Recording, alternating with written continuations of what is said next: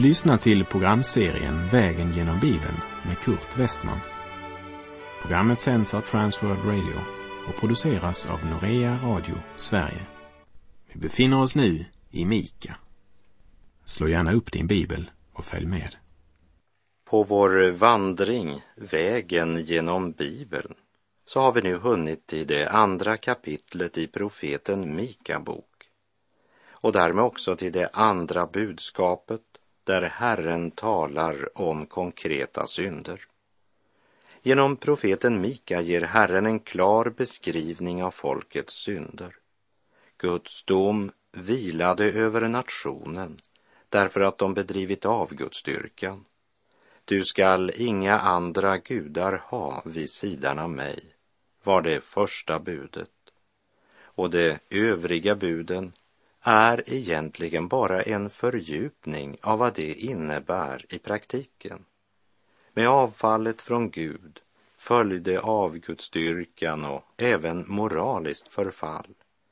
I skuggan av det mäktiga assyriska väldets politiska och militära framfart så frodades fruktan, egoism, religiös synkretism och maktmissbruk Prostitutionen var religionens stora inkomstkälla. Man kan säga att de falska profeterna, de levde av att trösta folket i deras synder. Samhället upphöjde synden till en rättighet och den väg som mängden gick kallades för normal. Och likheten mellan dagens olika okulta trosriktningar och avgudsstyrkan på Mika-tid, den är mycket stor. Marknadskrafterna, massmedia och reklam tillber det skapade istället för skaparen och blir kroppsfixerad. Avfall från Guds heliga vilja och egoistisk sexualitet, det går hand i hand idag som på Mika-tid. Och i sexgudens namn bryts familjer sönder och relationen mellan man och kvinna hamnar på djurens nivå. När sexuellt samliv bevaras innanför äktenskapets heliga ram så kan det bli en underbar välsignelse och en dyrbar berikande gåva. Men när nationen tar sexuallivet ur det gudgivna sammanhanget och uppmuntrar pervers och olaglig sexualitet genom att kalla det den nya moralen, då vilar förbannelsen över oss. Då är nationen på väg mot upplösning och undergång. De synder Mika pekar på här i kapitel 2 är de synder vi gör mot varandra, synder mot mänskligheten. Medan första kapitlet pekade på de synder som gällde relationen till Gud. När människan inte lever i ett rätt förhållande till Gud så kan han inte heller leva i ett rätt förhållande till sin nästa. Kapitel 2 är inget vackert avsnitt. Det är inte Bibelns mest upplyftande avsnitt. Men det avslöjar nationens synd som förde till dess ödeläggelse och förruttnelse. Därför bör vi lyssna till Mika budskap och vakna upp. Vi läser Mika kapitel 2, vers 1. Ve dem som tänker ut fördärv på sin bädd och planlägger det som är ont. Så snart morgonen gryr sätter de planerna i verket om det står i deras makt. Här handlar det djupast sett om allt som är ett brott på Guds heliga bud. När de lägger sig på kvällen ligger de inte och ber till Gud, utan de ligger och spekulerar på hur de ska kunna genomföra sina onda, egoistiska planer. Och ofta håller de också på med sin synd samtidigt. Och så snart morgonen gryr så är det synden och självlivet som dominerar deras tankar och handlingar. Självupptagenheten är den stora drivkraften i deras liv. Så snart morgonen gryr sätter de planerna i verket om det står i deras makt. I en annan översättning står det och går till verket när dagen gryr. Det står i deras makt. Och det är nog närmare originaltexten. Och det stämmer också med vad Herren säger i Första Mosebok 11.6, där vi läser följande. Herren sade, se, det är ett enda folk och har ett enda språk. Detta är deras första tilltag och härefter skall ingenting vara omöjligt för dem, vad de än beslutar att göra. Människan har oerhört stor frihet. Och vad budskapet i Mika kapitel 2, vers 1 vill säga oss, det är att människan har möjlighet att utföra mycket av sina onda själviska planer. Det står i deras makt. Men det är ju tragiskt att människan ska använda välfärden och Guds välsignelse till det som är ont. Ju mera möjligheter människan har, desto mera syndar hon. Pengar betyder makt och många ogudaktiga har därmed möjlighet att genomföra sina planer och egoistiska rådslut. Vårt lands stora olycka det är att det är ogudaktigheten som härskar och råder på alla plan i samhället, både politiskt, kulturellt och även religiöst. Våra lagar som en gång byggde på Guds ord och Guds bud har genomgått stora förändringar. Det som Guds ord säger är synd har våra lagar upphöjt till en laglig rätt. Och när den officiella lagen säger att det är rätt, det som Gud kallar synd, då råder inte bara avfall från Gud, men då har laglösheten tagit överhand. Det vill säga, det är inte bara så att brottsligheten ökar, men orätten försvaras av vårt lands lagar. Laglösheten har tagit överhand Överheten har gjort synden till en lagstadgad rättighet. Och eftersom laglösheten tilltar kommer kärleken att svalna hos de flesta, säger Jesus i Matteus 24.12.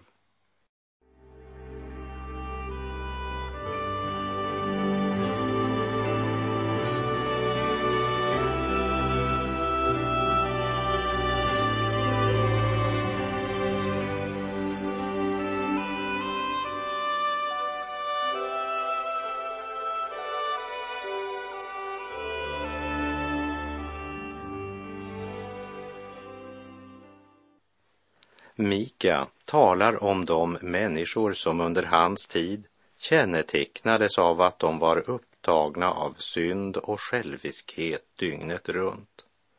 Jag läser från Mika 2.2 i Bibel 2000s översättning. De får lust till åkrar och stjäl dem och till hus och tar dem det lägger under sig både man och hus, både ägare och egendom. När vi vandrade genom första kungaboken så fick vi ett levande exempel på detta. När kung Ahab ville ha tag i Nabots vingård. Men trots sitt enorma habegär så ville han inte stjäla den, utan erbjöd sig att köpa den. Men Nabot ville inte sälja eftersom vingården var en arvedel han fått av sina fäder. Och då gjorde Ahab inte mer åt saken trots att han likt ett bortskämt barn brann av begär att få äga Nabots vingård. Men Ahabs hustru, Isabel, hon var en självsäker syndare med stor handlingskraft. Så när Ahab gick i palatset och klagade och suckade över vingården som han inte kunde få, så gick Isabel till handling. Det stod i hennes makt att göra det. Genom lögn bedrägeri och falska vittnen eliminerade hon Nabot och kunde därmed överta Nabots vingård utan att betala något som helst för den. Hon bara tog. Det stod i hennes makt. Och genom sitt handlande blev hon en förebild för folket som också började handla på samma sätt. Man tar vad man har och det man inte har, det tar man. Det är det man i världen kallar för att vara smart. Snabba klipp ska det vara. Att svetta och slita för att förtjäna sitt bröd, det passar inte den fallna människan. Och den nya moralen, ja, den är inte så ny. För den lanserades av ormen i Edens lustgård. Och varje gång den lanseras kallar djävulen den för ny. Det är ett av hans bästa försäljningsargument. Nytt ska det vara. Det vet själafienden. Därför kallar han alltid den gamla synden för ny. Ju rikare och mäktigare man är, desto lättare är det att stjäla ifrån dem som har lite av både makt och pengar. Och likt Isabel i Första Kungabok kapitel 21 så har man resurser och myndighet att låta andra utföra förräderiet. Så man kan bevara den flotta fasaden. Man kan röva från den svage på ett sätt som gör att man inte blir avslöjad som tjuv. Och den metoden formligen överflödar i vårt land och över hela världen idag.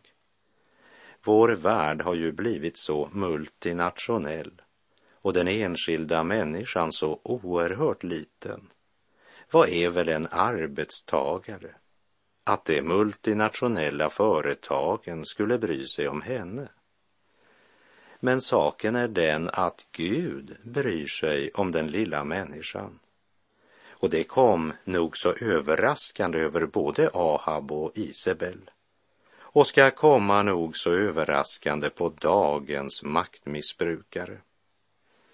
Vare sig det gäller den enskilda i förhållande till sin granne eller arbetsgivare eller arbetskamrat eller politiskt valda förtroendemän och kvinnor. En dag måste man svara räkenskap för sin förvaltning och den dagen kommer då de minst av allt hade väntat det. Det vill säga, det kommer överraskande.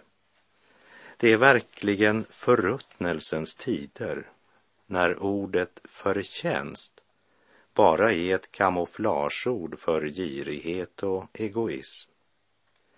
Den fallna människans livssituation kan beskrivas med några få ord. Den rike blir rikare och den fattige fattigare. Mika säger, de får lust till åkrar och stjäl dem och till hus och tar dem. De lägger under sig både man och hus, både ägare och egendom. Gud gav inte bara löfteslandet åt sitt folk och planterade dem där, men han gav också varje stam deras bestämda del av landet. Därefter gav han varje enskild sin lott i den stam som han tillhörde och den delen var hans arvedel. Sedan instiftade Gud en lag som gjorde att ingen kunde förlora sin arvedel för alltid, utan under jubelåret, som var vart femtionde år, då blev alla inteckningar och pantbrev ogiltigförklarade och egendomen returnerad till sin ursprungliga ägare eller dess efterkommande. Men det skedde alltså endast vart femtionde år. Så om du förlorade din egendom efter två år så blev du tvungen att vänta 48 år innan du fick den tillbaka. Men de rika och mäktiga, de fann vägar och metoder att kringgå dessa lagar. Men skriften gör det klart för oss att Gud har omsorg för den fattige och den som utnyttjar hans fattigdom och nöd till egen vinning. Han ska till sist en dag svara räkenskap inför den allsmäktige Gud. Vi läser Mika kapitel 2, vers 3. Därför säger Herren så. Se, jag tänker ut ont mot detta släkte.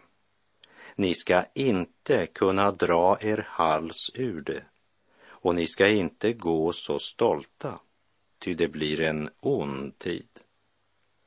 Det här är en högst intressant vers. Först hade Gud sagt att han skulle döma dem därför att de låg på sin bädd och planlade det som var ont. Och nu säger han, jag planlägger något ont mot detta släkte. Det vill säga, ni ska få skörda vad ni har sått. Men vad betyder då detta? Kommer Gud att göra något ont? Nej, men Gud kommer att straffa de som gjorde det onda, vilket är rättfärdighet. Men från deras synpunkt sett var det ont eftersom de inte alls tyckte om det. Idag får man till och med höra bekännande kristna som anklagar och fördömer Gud därför att han tillåter vissa saker att hända vilket är detsamma som att säga att Gud är ond. Om de fortsätter på sin onda väg kommer Gud att stoppa dem genom att låta sin dom drabba dem.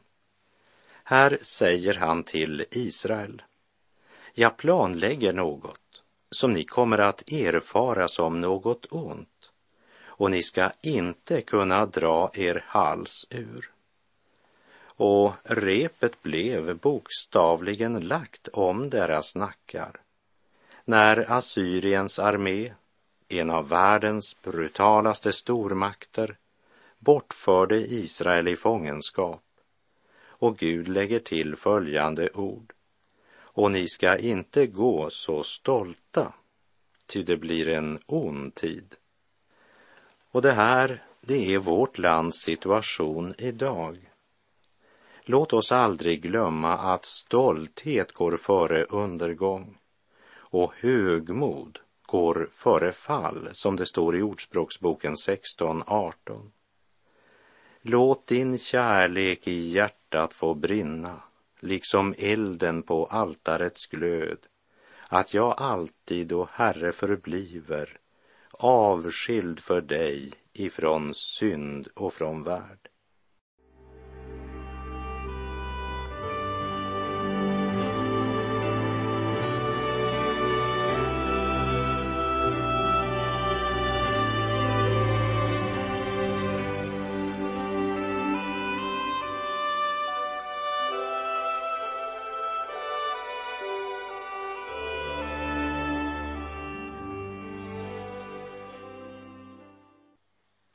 De stolta och mäktiga såväl som de fattiga som levde i synd och omoral på olika sätt trodde de skulle komma undan Guds dom.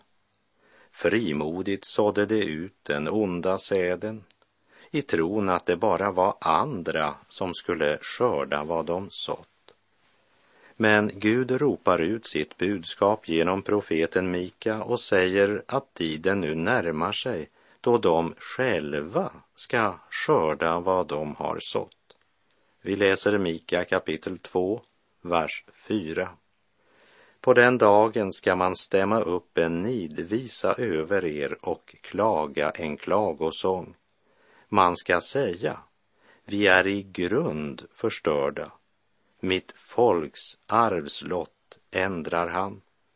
O, att han skulle rycka den ifrån mig åt förrädare ger han våra åkrar. Förvirringen blir stor. Hur kan det gå så bra för förrädarna, det vill säga de som inte säger sig tro på Gud? Vi är ju Guds folk. Vi har ju templet och en massa präster som säger att allt står väl till. Vi har ju ritual och traditioner och skänker till och med en liten slant ibland. hur kan vi då möta motgång? Hur kan Gud ändra vår arvslott? Hur kan våra fiender som inte bekänner sig till våra gamla traditioner och vår Gud få överta det som vi skulle haft? När de själva hade kontrollen och kunde styra som de ville så delade de godtyckligt ut arvslotter. Men när Gud låter dem smaka sin egen medicin, då tycker de att det är orättfärdigt. Eller som en känd norsk diktare sade, hur kan du tåla så innerligt väl den orätt som inte drabbar dig själv? Mika 2.5 Därför kommer det inte att hos dig finnas någon som får spänna mätsnöre över en jordlott i Herrens församling. Marken skulle tas ifrån dem, också marken som tillhörde Guds hus. Allt skulle gå förlorat. Inte bara jordagods, åkrar, guld och silver, men också platsen där man tillbad Israels Gud eftersom profeterna i Guds namn serverade falsk tröst och lät folket förbli i sina synder så var det ingen gudstjänst för Herren. Herren hatade det som de i sitt avfall kallade för Herrens högtid. Men folket som levde i synd, de trodde att de hade Guds beskydd och att de var Guds folk. Det skulle inte längre ske någon tillbedjan av Gud på den platsen. För folket blev det en stor förändring, men inte för Gud, för han hade aldrig varit centrum i deras liv. Men när all religiös verksamhet i Herrens namn upphörde så skulle de kanske bli tvungna att stanna upp och tänka. Orden har en dubbel betydelse. Det är också en proklamation från Gud till dessa giriga som inte bara roffat åt sig av de fattigas gårdar och egendom men som till och med hade tagit delar av det som tillhörde Herrens församling. Men när Herrens dom går över alla dessa kapitalistiska materialister så blir det inte kvar någon som kan berika sig på Guds församling eller det troende. Det ogudaktiga kommer för alltid att förlora sin arvedel. Vi läser vidare Mika kapitel 2, verserna 6 och 7. Sluta predika, så predikar det. Om sådant får man inte predika, skall aldrig smädelserna ta slut. Är det så du talar, du Jakobs hus? Har Herrens ande varit otålig? Har hans gärningar visat något sådant? Är inte mina ord goda mot den som lever rättfärdigt? Religiösa aktiviteter ville man ha. Präster och profeter som bara talade om välsignelse, seger och om att allt stod väl till, det ville man också ha. Härliga, underhållande samlingar. Men inte sådana profeter som Jesaja eller Jeremia eller Mika. Man ville gärna höra på profeter som lovade att allt stod väl till och att det snart skulle bli bättre. Så säger Herren, la man sedan till, och det tyckte folket om. Profeter och präster fick ju lön för att kunna hjälpa och trösta människorna på den väg som de själva önskade vandra. Och så när svårigheterna kom så skulle de finna en utväg ur svårigheterna. Men man var inte det minsta intresserad av att höra sanningen om varför man hade hamnat i svårigheter. Och till de få som ropade ut sanningen från Gud så sa man Sluta predika. Det du säger passar inte in i vår tid. Det Gud säger har aldrig passat in i den ogudaktiga människans tid. Guds ord är en kraft till frälsning för den själ som tar emot det i tro. Guds ord är livets vatten för den själ som törstar efter förlåtelse, frid och evigt liv. Guds ord är den ström som får den ångrande syndaren som vänder om att bära rik frukt. Men för den som vill leva i synd är Guds ord fruktansvärt. Det är irriterande som en kran som står och droppar. För Guds ord är svidande salt i syndasåren för den som inte vill överge synden. Jesus själv, han uttrycker det så här i Johannes evangeliets tredje kapitel, verserna 19 till och med 21. Och detta är domen. Ljuset kom till världen och människorna älskade mörkret och inte ljuset eftersom deras gärningar var onda. Ty var och en som gör det onda hatar ljuset och kommer inte till ljuset för att hans gärningar inte ska avslöjas. Men den som lyder sanningen kommer till ljuset för att det ska bli uppenbart att hans gärningar är gjorda i Gud.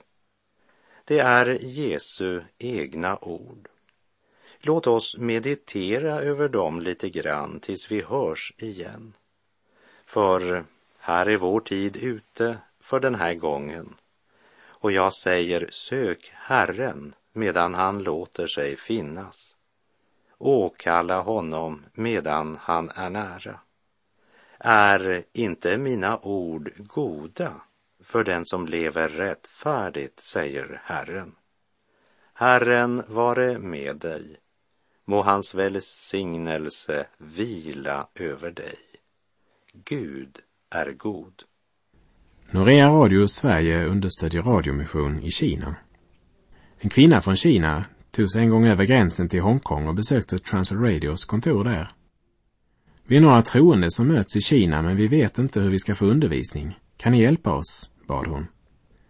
En av ledarna där accepterade inbjudan och träffade henne en tid senare nära gränsen. Han gav henne en kortvågsradio och uppmuntrade henne att lyssna på Transfer Radios program. Efter att ha tagit emot gåvan och tackat för rådet lämnade hon mötesplatsen. Två år senare kom kvinnan tillbaka. Denna gång uttryckte hon stor glädje. Vi följde ditt råd och har lyssnat regelbundet till programmen. Då var vi en handfull människor. Nu är vi två tusen som träffas varje vecka.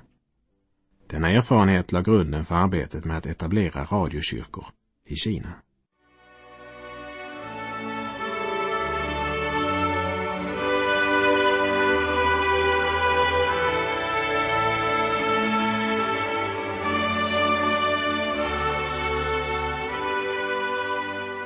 Du har lyssnat till programserien Vägen genom Bibeln med Kurt Westman som sänds av Transworld Radio.